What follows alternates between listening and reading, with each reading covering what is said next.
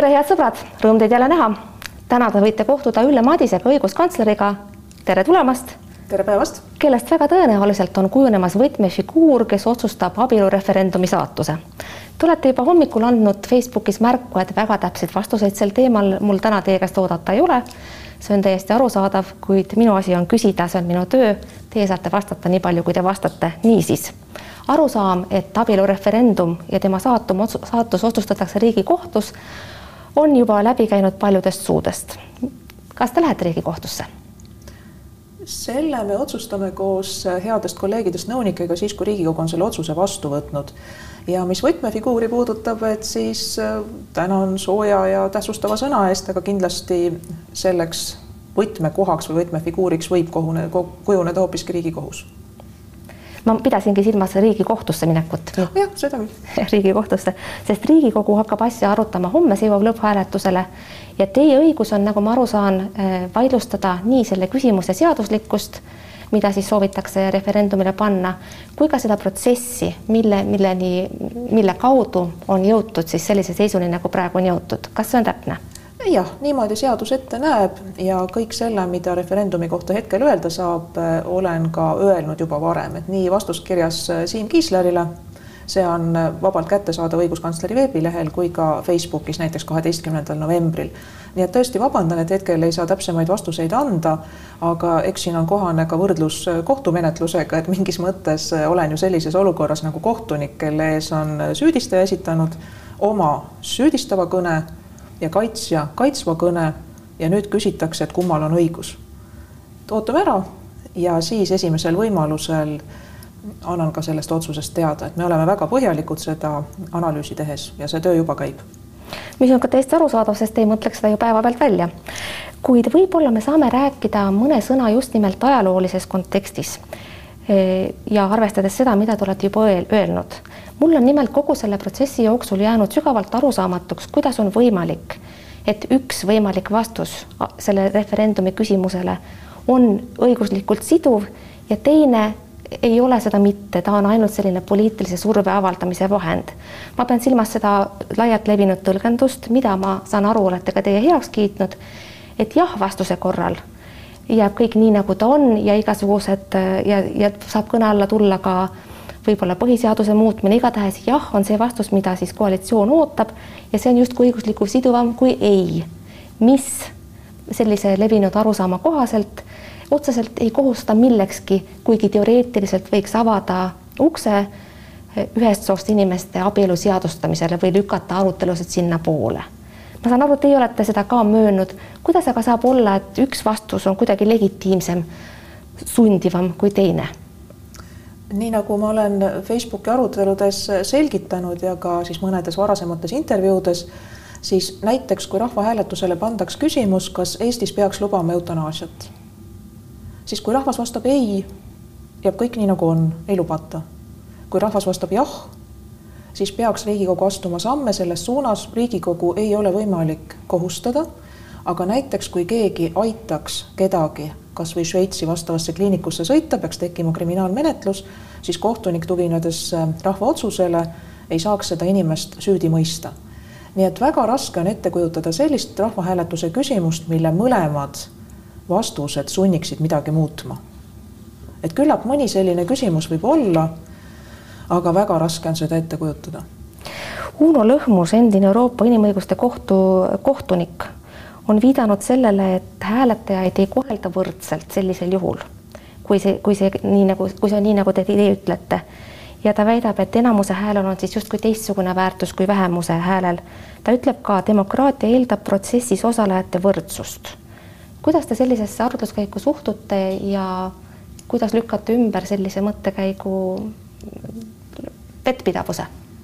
Suhtun suure lugupidamisega ja selliseid riigiõiguslikke seisukohti on siin möödunud nädalatel avaldatud päris mitmeid. loomulikult meie majas see meeskond, kes teemat analüüsib, on neid kõiki lugenud ja minu enda soov oleks, et äh, nüüd vähemalt aasta me nende teemade üle veel teoreetiliselt vaidleks. et riigiõiguse spetsialistile on see aeg erakordselt huvitav. ma mõistan, et on ühiskonnagruppe, kes praegu kannatada saavad täiesti ebaõiglaselt et see on paljudel põhjustel paljudele keeruline aeg, aga riigiõigusteadlastele paradoksaalsel moel on see väga huvitav aeg. nii et see mõttevahetus on kindlasti väärtuslik, suure huviga loeme ja ma usun, et kõik argumendid ei ole veel välja öeldud. See on täiesti arusaadav, muide Lõhmus, kelle argumentatsioon minu hinnangul on samuti väga huvitav, on viidanud sellele samale, millele teiegi, et põhiseadus ei ütle täpselt, missugusel moel on rahvahääletuse tulemus kohustuslik. Te olete korduvalt öelnud, et ta on. kuidas peaks selguma, mil moel ta on kohustuslik, kes seda peaks otsustama, kuidas see arutelu sünnib niimoodi, et see on määratud, kelle otsus see on põhiseaduse kommenteeritud väljaandes, mille uus versioon sai just valmis ja on kõikidel internetis vabalt kättesaadav, põhiseadus.ee, on ka püütud seda mingil määral selgitada. Põhiseadus ütleb seda, et see tulemus on riigiorganitele kohustuslik. riigikogu liikmeid kaitseb nende vaba mandaat, nende õigus ja kohustus hääletada oma südametunnistuse järgi. nii et neid ei saa sundida näiteks eutanaasiat või topeltkodakondsust seadustama aga samal ajal, kui küsimus jõuab kohtusse, et siis kohus peaks seal vähemalt senise domineeriva seisukoha järgi otsustama ka arvestades rahva tahet. et näiteks kui rahvahääletusel on küsimus, kas lubada mitmikkodakondsust ja nüüd Eesti võtab kelleltki Eesti kodakondsuse ära põhjendusega, et tal on mõned teised kodakondsused veel see jõuab kohtusse ja oletame, et on rahva otsus, et äh, mitmikkodakondsust tuleb lubada, siis kohus tõenäoliselt teeks otsuse, juhindudes ka rahva otsusest. et see on olnud senine domineeriv seisukoht, aga veel kord, äh, see arutelu on väga huvitav ja ma usun, et see kestab veel mõnda aega, vähemalt ma tahaks seda loota. Kui te lubate, ma toon viimase, viimase argumendi Uno Lõhmuse mm, mõttekäikudest ta nimelt viitab, et on põhiseaduse mõtte vastu sellise küsimuse, nagu me praegu Riigikogus näeme, mida arutatakse ja soovitakse referendumile tuua, käsitlemine riigielu küsimusena. et, et, et, et eraeluline küsimus sellisel viisil riigielu küsimusena ei saa olla käsitletud, tema hinnangul on põhisead-, on see põhiseaduse mõtte vastu. kas olete nõus seda mõttekäigu kommenteerima, palun? Saan korrata seda, mis on öeldud varem avalikult ja varem olen öelnud ka avalikult seda, et rahvahääletusele võib panna küsimuse, mille nii ei kui jah vastus on põhiseadusega kooskõlas, ka laiemas mõttes. ja kuna üldine arusaam nii Eesti põhiseadusest kui ka Euroopa Liidus, näiteks põhiõiguste hartast, kui Euroopa Inimõiguste Kohtu arusaam abielust on selline, et iga riik defineerib selle ise, et samasoolise abielu lubamine ei ole kohustus, siis meeldib see või ei meeldi, praegusel hetkel ka vastus, et jah Eestis peaks tohtima sõlmida üksnes mehe ja naise vahelisi abielusid, on põhiseadusega kooskõlas. aga olgu siin veel kord üle öeldud see, mis on vastuskirjas Siim Valmar Kiislerile, et kui see rahvahääletus peaks aset leidma, kui see küsimus peaks jääma selline, nagu praegu eelnõus on, siis mitte ühelgi juhul ei saa olla tagajärjeks see, et Eesti Vabariik ei tunnusta enam teistes riikides sõlmitud samasoolist abielu samuti ei saa tagajärjeks olla kooseluseaduse kehtetuks tunnistamine. et need asjad ei ole üldse seotud ja selline tagajärg oleks tõesti põhiseaduse vastane. mis tähendab, et Imre Sooäärel, kui ta ütleb, et ta viib abielu või ta viib abielu ja kooselu mõlemad perekonnaseaduse kaitse alla, temal on selline eesmärk, mille, mille tulemusena siis kooseluseadus tühistataks, sellel ei ole põhiseaduse mõttes väärtust?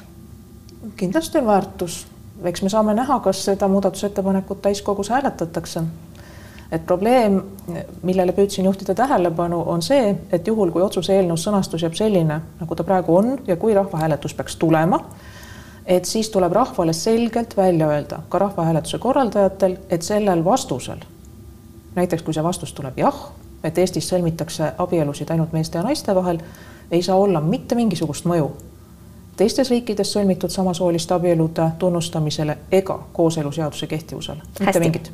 Hästi, me ei saa rääkida sellest, kui palju kordi on opositsioonisaadikud teie poole pöördunud eh, seaduse rikkumise kahtlustega, kuid mida me saame täna, on rääkida paar sõna obstruktsionismist üldiselt. Paljud inimesed suhtuvad sellesse justkui oleks tegemist mingisuguse uue võttega, mida siin Riigikogus rakendatakse, rakendatakse, kuid me teame, et seda võtet on rakendanud varemgi eh, saadikud, opositsioonisaadikud, ka Keskerakond, kes on praegu peaministripartei. kas teile meenub oma praktikast mõni selline juhtum, kus obstruktsionism oleks nähtusena põhjustanud põhiseaduse riiveid, nagu praegu kahtlustatakse, või siis ka mingite muude seaduste riiveid, mis kuuluvad äh, teie kompetentsi? Ka seda küsimust parasjagu meil meeskond analüüsib muuhulgas riigiõiguslikust üldisest huvist ja väga hea meelega jagame seda teadmist ka avalikkusega, siis kui ajakirjanikud peaksid küsima. aga tõele vastab see, et Riigikogu enamuse häältega otsuste langetamist, olgu tegu riigieelarvega või siis sundüürnike küsimuse või mõne muu asjaga, et siis seda mäletan mina küll kogu oma tööaja vältel ehk siis aastast üheksakümmend kuus, et et mäletan sedagi, kui Riigikogus istungid kestsid terve öö ja, ja siis hommikul Riigikokku minnes tuli vastu väga palju väga väsinud saadikuid ja, ja kõikjal levis kiluvõileiva lõhn, nii et, et see on noore ametniku põlvest meeles milleni seekord pole jõutud. kas kunagi Eesti äh, ajaloos on olnud sellist juhust, kus president viitab võimalusele kutsuda erakorralised valimised? teatavasti Kersti Kaljulaid seda just äsja tegi. loomulikult tabasid teda ka kohe süüdistused päevapoliitikasse sekkumises. Minule ausalt öeldes ei meenu ühtegi sellist juhtumit, et president oleks viidanud, kuid võib-olla mul lihtsalt ei tule meelde, äkki tuleb teil? no üht-teist äh, riigiõiguse huvilisena ja selles valdkonnas üle kahekümne aasta töötanuna ikka tuleb meelde, aga enne kui ma saan järele kontrollida, ei oska öelda, et kas see on avalikkusele mõeldud informatsioon. et väga sageli neid küsimusi arutatakse ka nii, et seda avalikkus ei tea. arusaadav. Erakorralisi valimisi, millele president viitas ja millele on viidatud tegelikult äh, muudes vestlustes ja näiteks ka ühes juhtkirjas isegi varem, ei ole Eestis mitte kunagi olnud. Ja võimalused seda esile kutsuda on tegelikult piiratud, on neli võimalust, kuidas see olukord võiks tekkida, me ei hakka neid kõigi siin võib-olla praegu arutama, kuid kas te hin-, teie hinnangul on see pigem hea või halb, et erakorraliste valimiste esilekutsumine Eestis on noh, niivõrd keeruline, et seda pole kunagi tehtud? Ma ei julge seda halvaks pidada. põhiseadus ehitati varasemale kogemusele tuginedes üles niimoodi, et vältida suuri kriise. erakorralised valimised tähendavad väga lühikese ajaga ettevalmistatavat hääletust, mis on juba tehniliselt, ma arvan, küllaltki suur väljakutse. ta on kandideerijatele ja ka hääletajatele küllaltki suur väljakutse, nii et et mulle tundub, et need tasakaalumehhanismid, mis põhiseadusesse on valitud, et erakorralised valimised ähvardavad juhul, kui ei suudeta peaministrit paika panna, noh, see on koalitsioonivalitsuse ja paljude fraktsioonidega Riigikogu puhul ka väga vajalik, et ei ole võimalik lõpmatuseni vaielda, vaid ühel hetkel peab see valitsus sündima, et on ju riike, kus valimistest saab mööda juba aasta või poolteist, valitsust ikka ei ole. et selles mõttes on minu arvates Eesti põhiseadus olnud tark, et vast valitud parlament kohe laiali minna ei taha ja riigieelarvega on samamoodi, et koalitsioon ikka enamasti soovib äh, oma eesmärke ellu viia, seda avalikkus neilt ka nõuab, meie ajakirjanikud on olnud tublid, on alati küsinud. nii et mina ei julge seda halvaks liigitada. hästi, vahetame teemat. Te sattusite viimati noh, võiksin öelda teerulli alla, kui te valitsuses kritiseerisite neid koroonapiiranguid, mille kehtestamisest vähemasti kahes viimases satsis ei saa ka enam mina aru ja ma ei ole sugugi ainus ajakirjanik, kellel on tekkinud küsimusi, kui mõistlik ja põhjendatud see ikkagi on. olete te nõus meenutama seda hetke, kui te valitsuses kaitsesite seda seisukohta, et spordisaale ei tuleks sulgeda? ajendina siis ka tookord see Jürgen Ligi postitus, kus te võtsite sõna sotsiaalmeedias ja teid ei mõistetud seda, mis toimub valitsuskabineti istungil, ma muidugi ei kommenteeri, sest see on see, mis jääb sinna. sündmuste järjekord oli pisut teistsugune, et otsus kehtestada sellised täiendavad lauskeelud kahekümne kaheksandast detsembrist. Ehk siis enne, kui neljateistkümnendal detsembril jõustunud väga mõistlikud keelud olid saanud hakata mõju avaldama, pälvis ju otsekohe kriitikat, ega meie majja jõudis palju kaebusi et meenutuseks neljateistkümnendast detsembrist keelati ära rühmatreeningud siseruumides, väga õige mõte. tuleb vältida olukorda, kus inimesed lähevad treenima üheskoos, nad on garderoobis koos, nad on treeningul koos, seal tõesti võib tekkida nakkusoht. ja lubati siis üksnes õhurikastes ruumides ilma lähikontaktita, ilma nakkusohuta treenimine, olgu ta siis kergejõustikuhallis, mis on tühi või inimene ujub seal üksi või kaksi ühe raja peal või siis näiteks jõusaalid, kes ise olid siis väga huvitatud, et nad hajutavad hästi suure hoolega. et need inimesed, kes sporti teevad, et nemad ka ise ei taha tegelikult nakatuda ja need klubid ei taha minna kinni. ometi pandi kinni. jah, ja kõrval on Soome kogemus, millegipärast läks Eestis levima see, et Soomes on kõik ammu kinni kuulasin Rain Kooli ülevaadet Soome meediast möödunud nädal Rahvusringhäälingus Vikerhommikus ja ma kaldun küll teda uskuma, et tegelikult Soomes ka siis, kui üks inimene nakatas veel paljusid, ehk siis nakatumine oli tõusus, ei pandud kinni toidukohti, vaid järgiti ranget hajutamist ja ei pandud kinni ka eraõiguslikke spordiklubisid. noh, loomulikult võib inimestele tunduda, et see on ju nüanss, et see pole üleüldse oluline. et kellele tundub, et, et väikese iluvõimleja treening treeneri juhendamisel õhurihkas spordisaalis, et see pole ju vajalik aga temale ja tema vanematele on vajalik. või kaks väikest poissi, kes harjutavad naglidega kiirendust kergejõustikuhallis, kus peale nende on veel kaheksa inimest, kõikidel mitukümmend meetrit vahet, et pole neil viga midagi, las jooksevad lumes. et kindlasti võib inimene niimoodi mõelda, aga õiguskantsleri ülesanne on küsida, et milline on selle keelu seos nakatumise vältimisega sellele küsimusele te vastuse saite või mitte, te viitasite juba tookord, et teie käes ei ole uuringuid või kui selliseid uuringuid üldse oleksid, siis need oleks need teile kättesaadavad, mis tõestavad spordisaalide sulgemise vajadust. kas te praeguse seisuga olete sääraseid uuringuid näinud? ei ole näinud ja palusin uuesti, et kui kavatsetakse seda piirangut jätkata, et siis kindlasti seda põhjuslikku seost näidata. ja miks äh, Facebookis väga tasakaalukalt selgitasin, et kahjuks ei õnnestunud veenda, et äh, kui minnakse treenima siseruumidesse ükshaaval või kui minnakse klassikakontserdile, klassikakontserdil puhkpillid on juba jäetud koosseisust välja, inimesed istuvad maskides suurte vahedega või kui inimesed on muuseumis väga hajutatud maskides, et siis selle lauskeelamine noh, peaks rajanema mingitel põhjuslikel seostel, mis näitavad, et just niimoodi me saame Eesti ühiskonnas nakkuse alla ja neid ei olnud ja, ja miks ma seal Facebookis siis tookord vastasin, asi oligi selles, et ma olen pidanud seda stiili, et kui meil on majas juba seisukoht valmis ja pole lihtsalt veel välja pannud kodulehele, et siis me seal juba vastame, et meie arvates on noh, ülemäärane, et eks siis inimene ise teab, kas ta pöördub kohtusse või mitte. mis viib muidugi järgmiste õigusteaduslike küsimusteni, et kas see õigusakti vorm, millega praegu niimoodi noh, küllaltki raskesti põhjendatavalt äh, lauskeeldusid kehtestatakse, et kas see on ikka korrektne ja kas see võimaldab inimeste õigusi kaitsta, sest me näeme seda, et tulevad ka ettevõtjad meile, et palun lahendage see probleem ära, palun selgitage, et me oleme olnud hoolsad, püüdlikud, meil ei ole nakkuskollet, et teistes riikides on ka kohtuotsuseid, kus on öeldud, et kuna tuvastatud nakkuskollet ei ole, loogilisi põhjuslikke seoseid ei ole, järelikult laussulgemine on põhjendamatu mul oli eelmises saates võimalik kohtuda Irja Lutsariga, kelle käest ma pärisin teadusnõukoja rolli järele eh, selles, mismoodi otsused sünnivad. ja minu teooria oli lihtne, kui otsused on halvad, ebakvaliteetsed, ma pean silmas valitsuse otsuseid, siis on iseenesest kaks võimalust. kas tark teadusnõukoda annab halba nõu või on eh, või ja annab tark nõukoda annab head nõu ja valitsus ei kuula või ei ole see nõu kvaliteetne.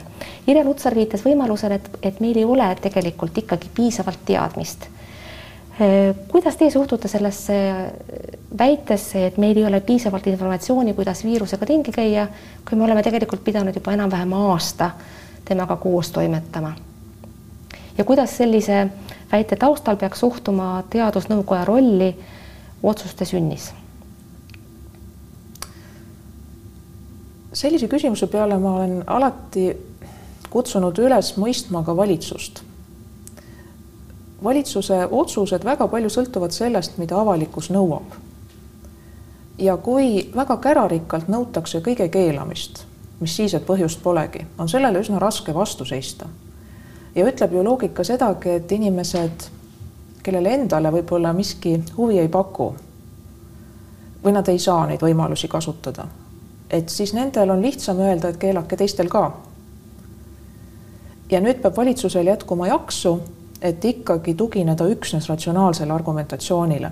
kuivõrd te seda valmidust tugineda ratsionaalsele argumentatsioonile näete, sest see soov, pange kõik kinni, jälgige, tehke mida iganes, ainult mitte mind muidugi, vaid naabrimeest, see ei ole ühiskonnas kuhugi kadunud kas te näete praegu, et valitsuses sünniksid otsused ratsionaalse teadmise, mitte siis sellise populistliku äh, iha ajal?